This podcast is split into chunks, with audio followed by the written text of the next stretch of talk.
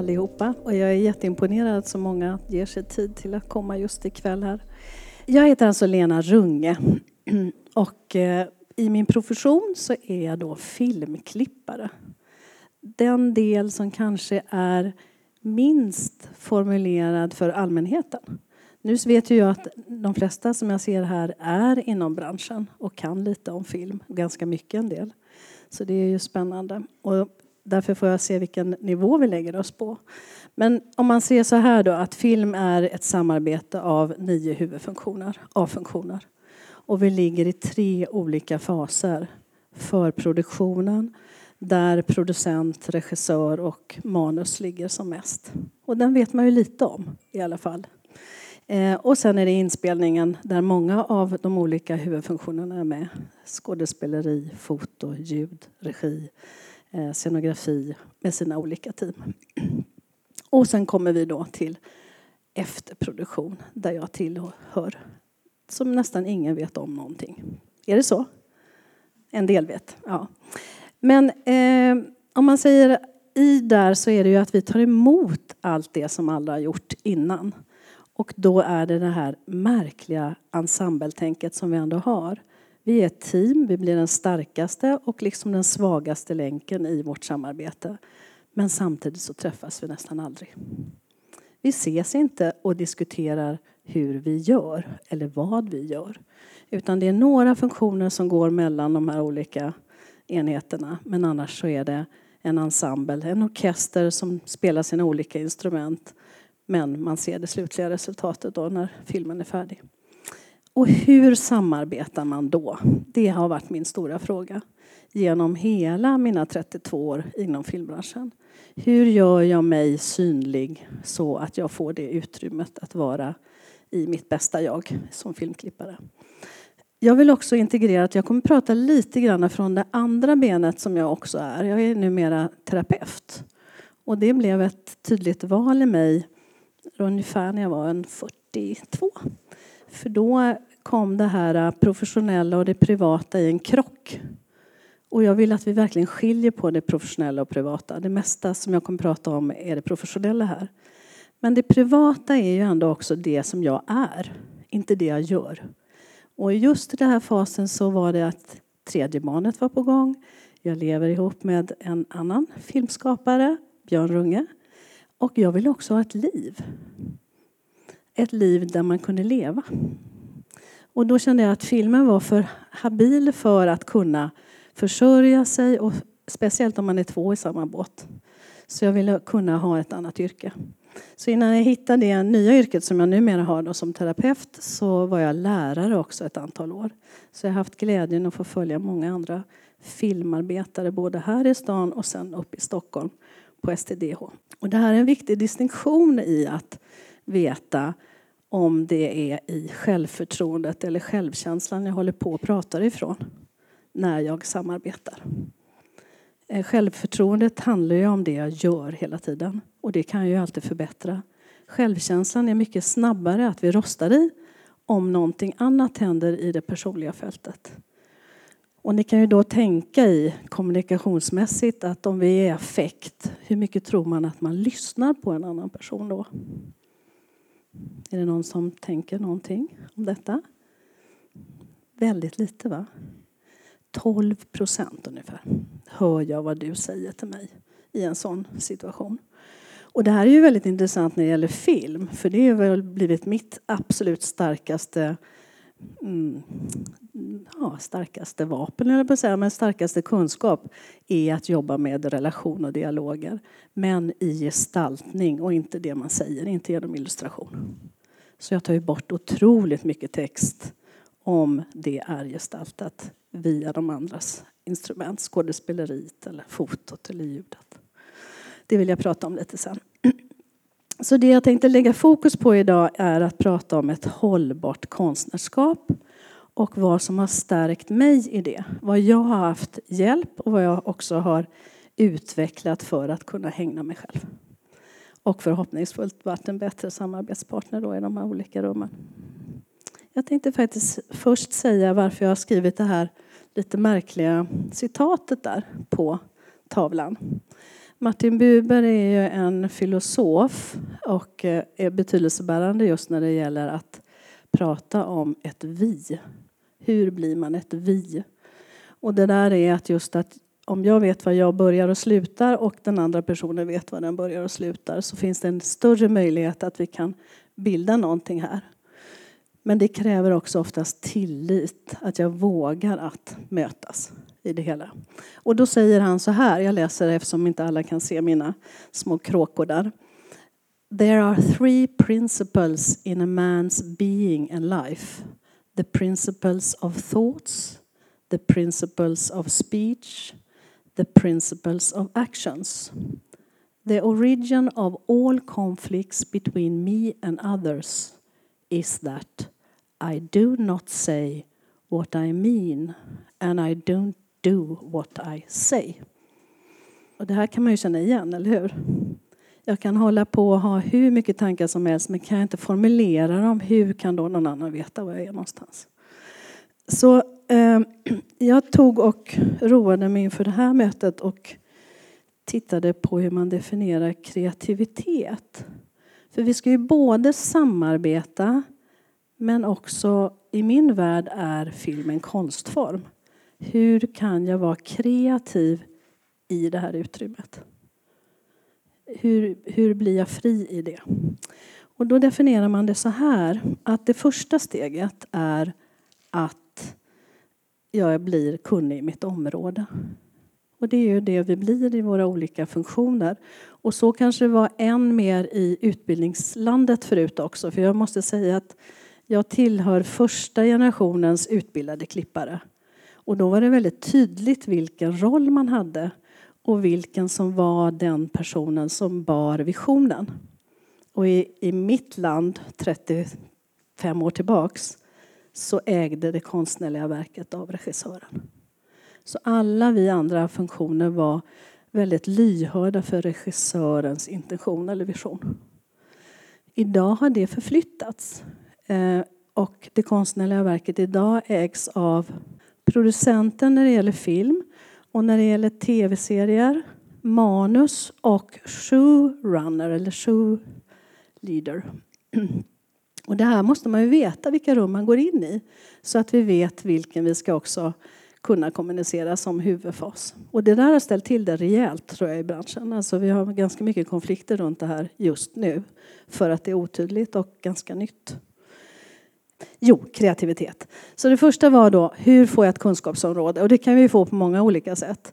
Film är ju både ett hantverk men också är, är, är bra om vi kan om vårt område. Och det är ett stort område. Och filmen handlar ju också både om nöje och konst. Så vi ramlar mellan två stolar även här. Eh, så att, att lära sig så mycket som möjligt om filmklippning blir ju min första steg då. Och det gjorde jag genom att utbilda mig traditionellt via en högskola. Eh, och i det fallet Dramatiska institutet.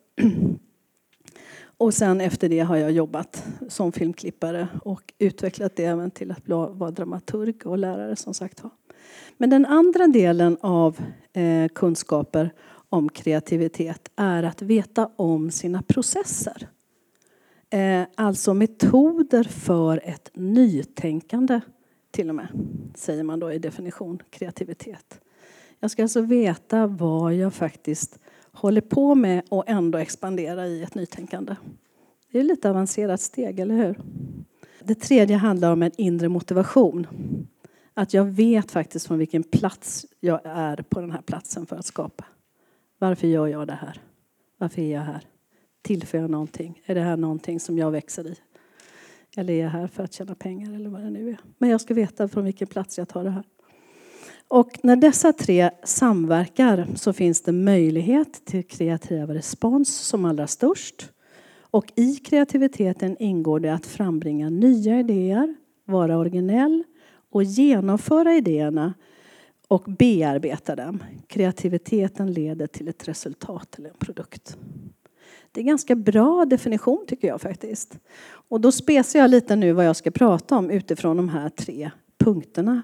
Den första har ni hört lite grann, mina 34 år i branschen, min erfarenhet, det jag gör. Det är ju det som har expanderat mitt kunskapsområde. Men det jag såg plötsligt var att jag har lagt väldigt mycket tid på den andra fasen, att försöka se vad är det jag gör då? Och vad behöver jag för att göra det jag vill? Eh, och det resulterar ju oftast i att man... Hur tycker du att man lär sig en sak? Är det att man vaknar upp en morgon och säger nu ska jag lära mig en sak? Eller vad är det man gör det på? För det mesta. Livet, eller hur? Man kommer i en situation där man blir lite svettig eller ramlar eller snubblar och tänker hur fasiken ska jag klara det här? Och det var faktiskt i en situation, jag har Liss här, när jag höggravid med tredje barnet skulle klippa Hammarkullen och träffade den fantastiska regissören Agneta Fagerström som plötsligt också letade efter sina uttrycksmetoder. Så ifrån att man kanske hade tänkt en ratier av inspelning, jag vet inte vad man hade tänkt, vad tror du? Nej. Men plötsligt galopperade iväg. Jag tror att när jag räknade efter att vi låg runt 70 timmar per avsnitt. 70-80 timmar per avsnitt. Och det var inte så att min tid expanderade utan jag hade mina sex och en halv vecka, sju veckor kanske. Plus att i den tiden när precis den nya tekniken Avid som jag klipper på idag kom så var hårddiskutrymmet ganska dyrt. Så att jag hade ingen assistent, jag hade inget hårddiskutrymme. Jag visste inte riktigt vad jag skulle göra. Jag var höggravid och jag ville verkligen ta vara på att Agneta undersökte någonting som hette Hammarkullen eh, med eh, eh amatörer, många språk. Eh, ja, och man filmade inte kronologiskt. Så det var ganska svettigt det där uppvaknandet att tänka, oh, hur har jag gjort tidigare? Då gjorde jag en snabb grej och det var tack vare att jag hade hört en annan man säga att en sak som är bra det är att skugga sig själv och det hade slått rot någonstans. Eh, och idag är det en ganska berömd författare. Eh, men han hade gjort så att han hade blivit svettig någonstans på livets väg och insett att hur många timmar och när är jag kreativ? Så jag gjorde samma sak som honom. Jag skuggade mig själv i två veckor och såg vad jag gjorde. Och såg min tidsaxel att klockan tre då ska jag göra något annat. Då är inte jag närvarande. Men där i den tiden, där hände någonting. Och den där perioden med klippningen tycker jag är jättekul. Och den där är jättejobbig. Så jag skuggade mig själv för att se där mina styrkor och svagheter låg. Och utifrån det så gjorde jag ett ABC som jag hade som en liten stödlapp in i Hammarkullens eh, körande. För att inte gå i krasch liksom. Och det har jag utvecklat sedan dess. Det är samma ABC. Så det är också så roligt att se plötsligt att ja, men det där var mina tongångar. Så det har mina elever fått göra, men egna ABC då. Att när man har slutat de olika skolorna så har man med sin egen metodik. Så den ska ni få höra lite om också. Nu tänkte jag, Erika, att du ska få visa ett klipp. Och det är ni som inte har sett The Wife, och jag kommer röra mig runt den lite mer. Ja, jag trodde nog inte jag skulle klippa något mer efter eh, om jag vänder mig om. Jag hade liksom tappat lite lusten igen. Eh, för att hitta inga historier. Det var någon, vi pratade om det. Eh, ju äldre man blir, jag har precis fyllt 60, så är det också att man vill ligga i egen andning av vad som intresserar en i livet. Eh, och jag hittade inga historier som berörde mig riktigt ordentligt på hemmaplan. Eh, och som tur är så är jag ju då tur ibland, mindre tur ibland, gift med en regissör, Björn Runge. Och plötsligt så eh, av olika anledningar så dyker The Wife upp. Eh, och den berörde mig. Och det blev en biljett att återigen, både från hans sida och min sida, ta och aktivera filmerna i oss igen ifrån att de hade legat i träden nästan i sex år. Så vi ska se eh, 13 minuter och det är början av filmen. Och jag vill visa det bara för att vi har en klipparkollega här nu och att jag tycker att anslag eller början av film är verkligen ett himmel eller helvete. Det kan gå hur bra som helst eller hur fasansfullt som helst. Och det är fortfarande att man skriver hela scener så att man får ett enormt stort material här. Samtidigt som det ska vara så mycket presentation av både karaktärer, historien, ingången till att gripa tag i publiken. Också oftast de första dagarnas inspelning där alla är lite ringrostiga. Så det är ett ganska mm, ett material som man inte riktigt flyter rakt in i. Och här då fanns det mm, fyra flashbacks, så vi överberättade historien ganska snabbt. Så att de 13 minuter ni ser är egentligen första akten som bara blev 13 minuter istället för 28 minuter. Och det var klipparen som tog strid, så därför vill jag se att det ska se den. The Wife, ni som inte har sett den, bygger på en bok av Meg Wolitzer. Och eh, Glenn Close hade köpt option till den här manuset så hon hade velat göra den i fem sex år. Eh, det tog stopp för att, vad tror ni var så svårt för en, en så pass famos kvinna att få igenom en sån film? Pengar, kvinna, huvudroll, the wife. Men det som berörde mig allra hårdast var ingen manlig amerikansk skådespelare ville spela the husband. Så vi tackar eh, Jonathan Price här för sitt mod och fantastiska delaktighet.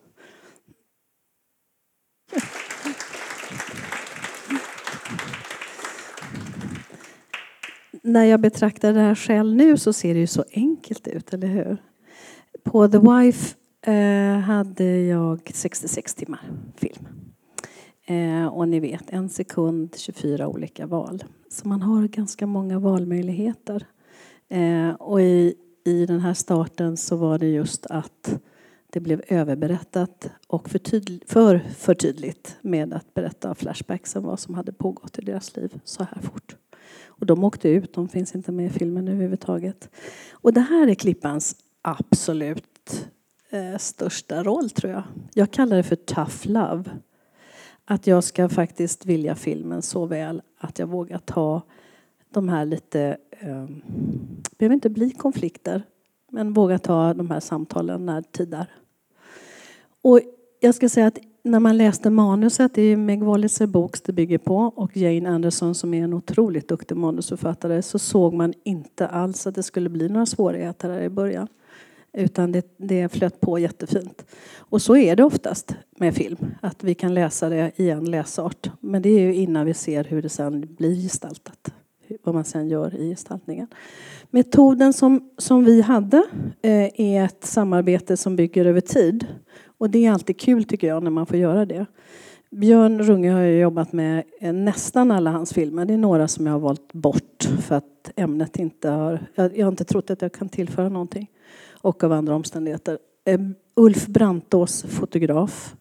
Så då är det alltså att regissören Björn i det här fallet är med i förproduktion eh, och Ulf i shooting och jag i slutproduktion.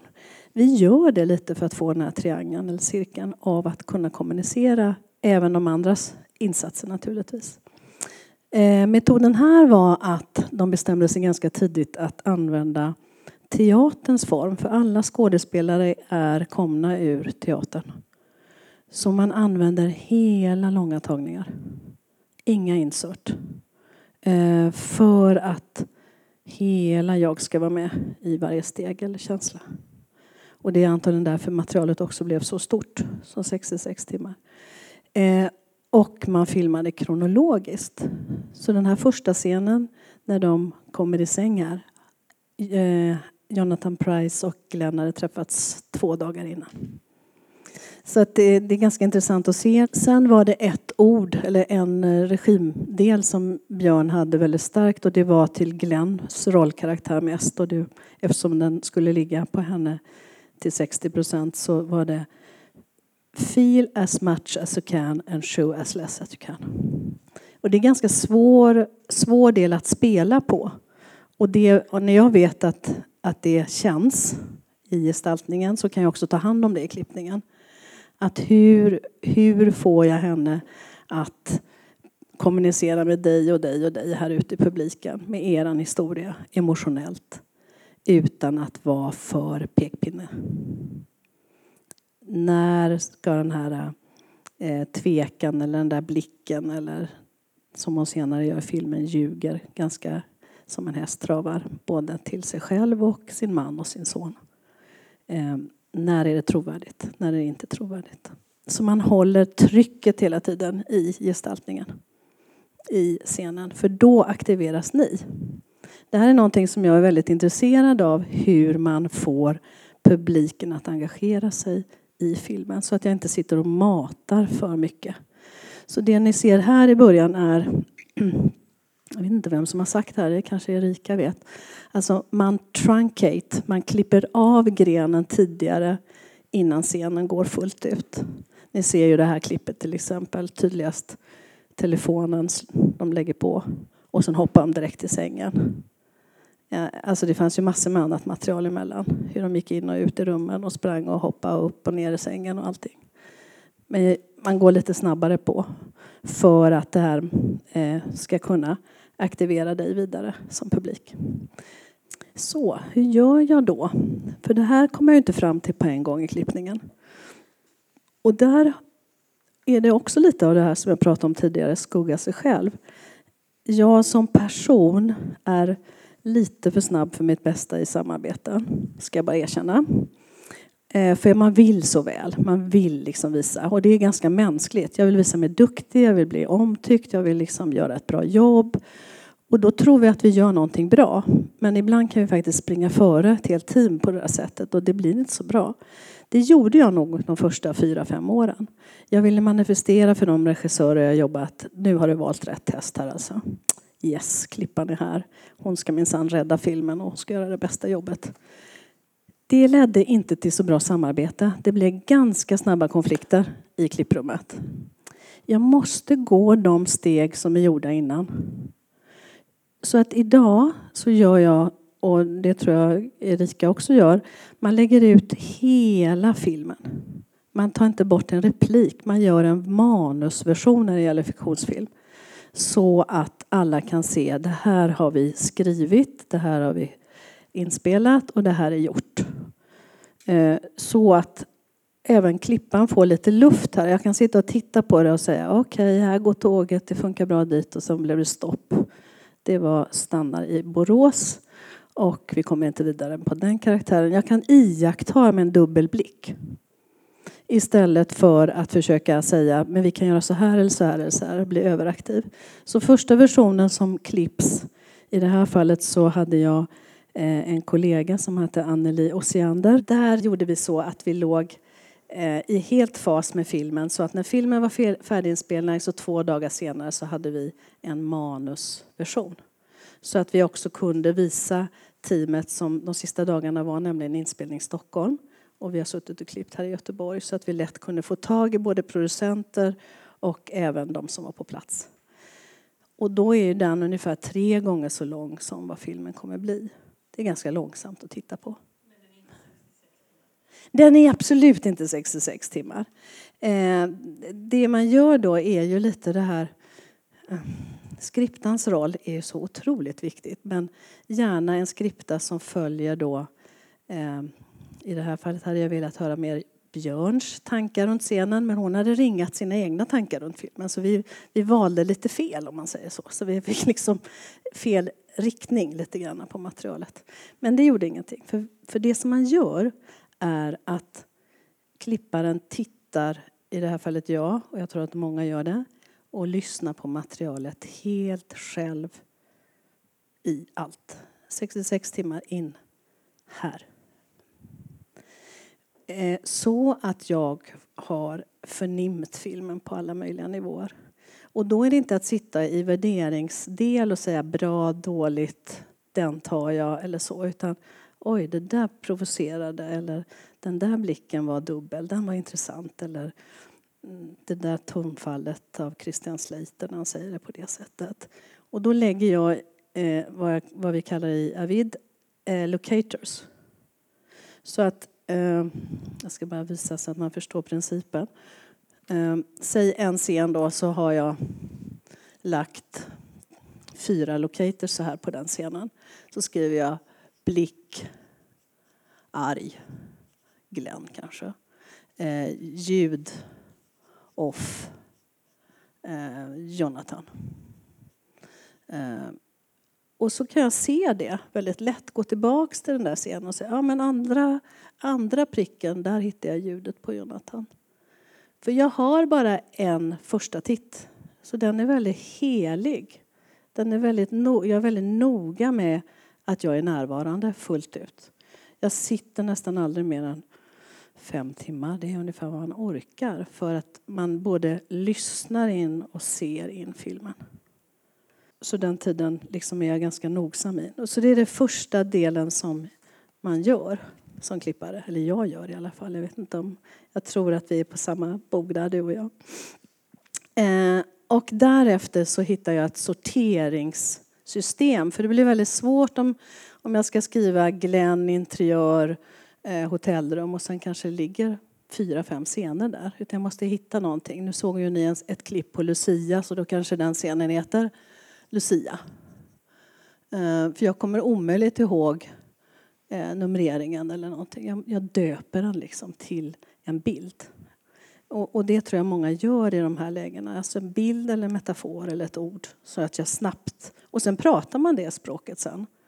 Det blir ett språk som även används av regissör eller musiker eller eh, ljud.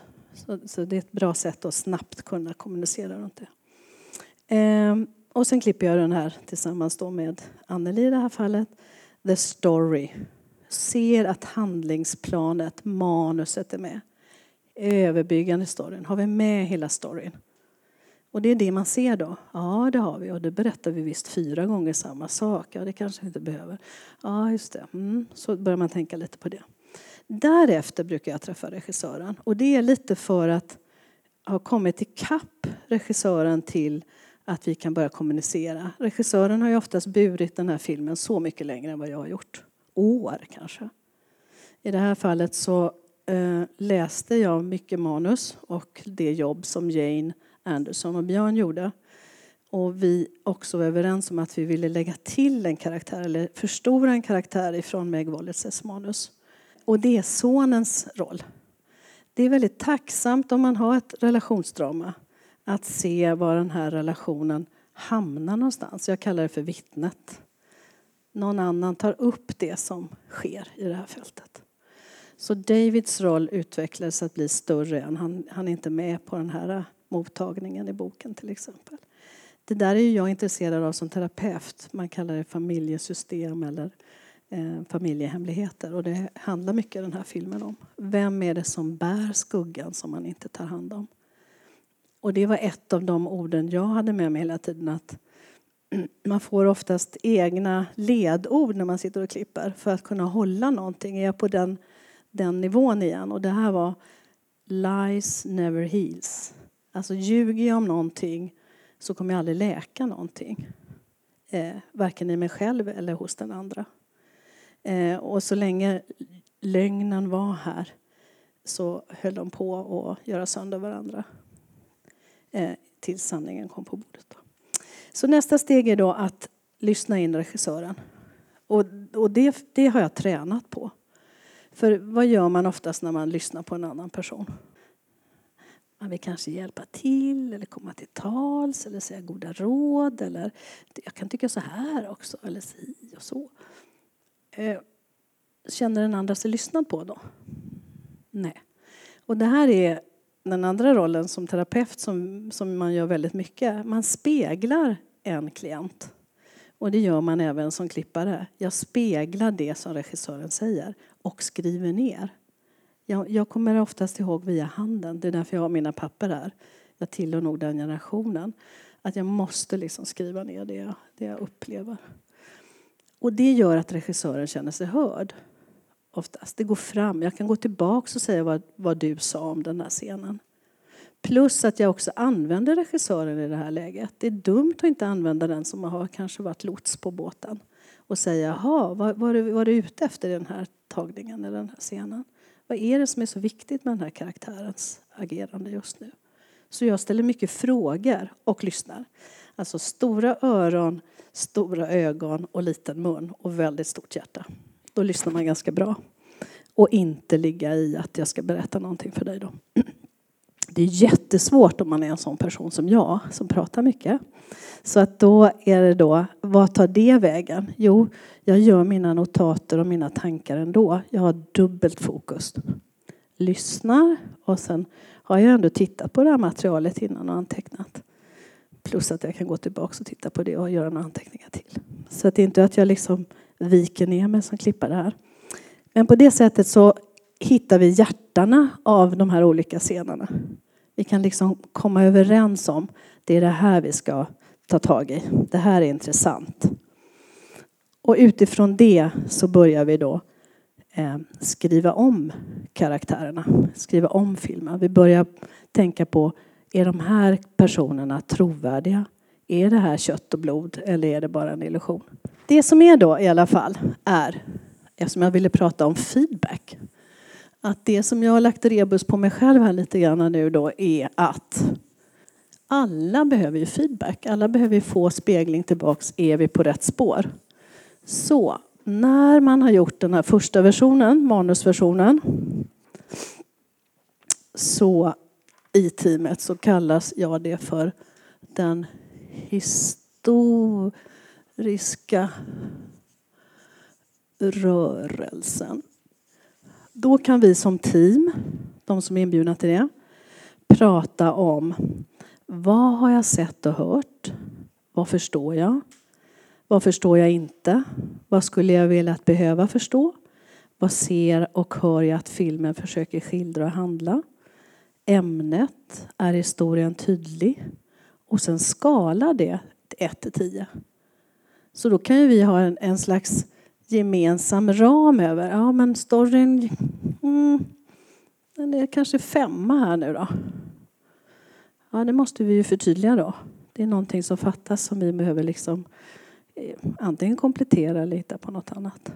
Så den kommer efter den här manusversionen. Efter då att filmen skrivs om. Idag när man jobbar på utlandet, och jag tror att vi gör ganska lika på hemmaplan, är att regissören har ungefär fem sex veckor att klippa regissörens version. Det är ganska hårda puckar. Jag pratade med Jill Bilcock när hon var här att den första som slängs av på sammanhanget om det blir konflikt är klipparen. Nästa person som slängs av är regissören. Och det är det man ser ibland nu då att ja okej, okay. man har den här lite tidspressen på att jag har bara de här fem, sex veckorna på mig nu att göra regissörens version. Så jag och Björn klippte på här då. Sex veckor hade vi på oss. Och nu hoppade då eh, min assistent av. Och då klippte vi på emotioner. Alltså det som känns, alltså det som suggereras emotionellt. Eh, och då försvinner väldigt mycket text. Jag, jag räknade på text på, på The Wife, jag tror att 25 procent av manus är borta i text. Och det här är ibland lite svårt för vissa skådisar. Jonathan Price hade lite svårt för det för att när man tar en roll vill man gärna se om det är en huvudroll eller biroll. Och då räknar man repliker. Och räknar också, här är jag i bild. Och ni ser ju Ulfs kamera som också glider. Han tyckte det var jättejobbigt. Att, vad tog jag vägen i den här bilden när han hade sitt tal till exempel? Men, men det är ju oftast att det är någonting med det här igenkännandet av den som lyssnar än den som alltid säger någonting. Så då har vi kommit till nästa fas som då kallas för känslornas rörelse. Och den innebär då vad berör mig, vad berör mig inte? Hur utvecklas karaktärerna känslomässigt? Vad är det för känsla av filmen? Engagerar filmen? Utvecklas karaktärerna?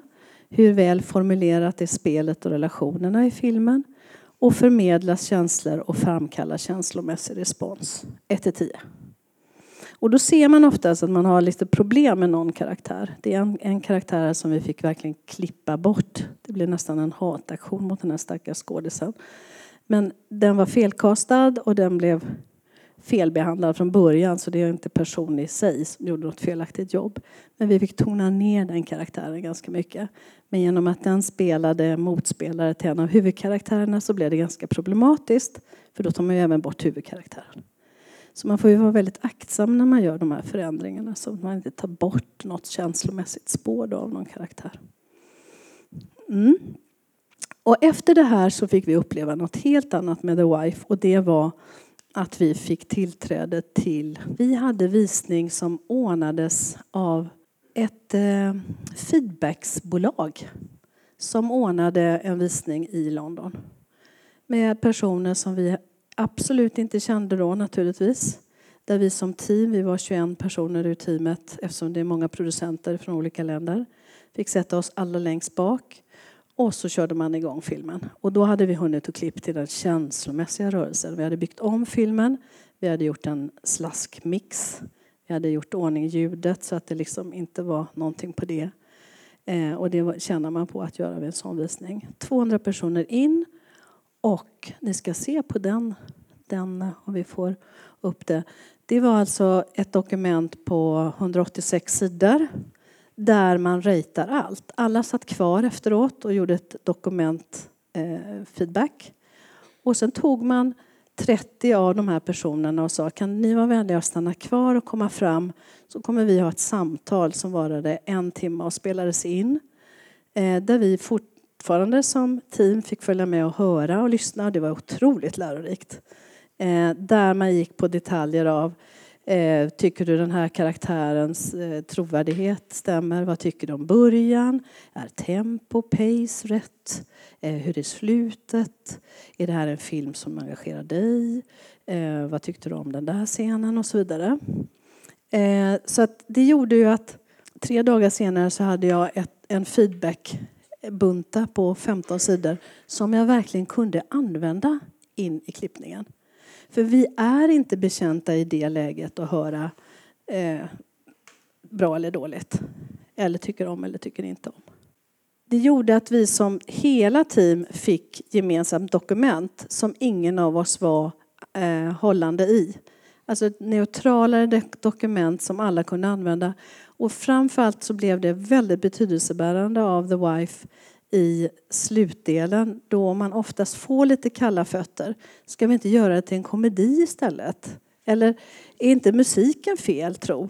Eller den där karaktären tycker jag vi klipper bort. Alltså man får lite tokiga val. För man får lite så här, oj det var ingen festival som ville ha oss just nu. Eller vem är vår distributör? Och det, allt det där levde vi i totalt ovisshet med The Wife vi måste, jag måste säga också att The Wife är en independent film. Det är en film som nästan inte blir gjord. Det är alltså en lågbudgetfilm. Jag och Björn har nog aldrig rört oss i någon annan dimension men det som är det är ju just att den är på engelska och att det är Glenn Close som spelar i den. Men annars är det en low, low budget film. Den sista är då filmens rörelse och då är det då att kunna ge den här ögat till sig själv. Och här bjuder jag oftast in mina kollegor eh, för att Eh, höra andra klippares tough love.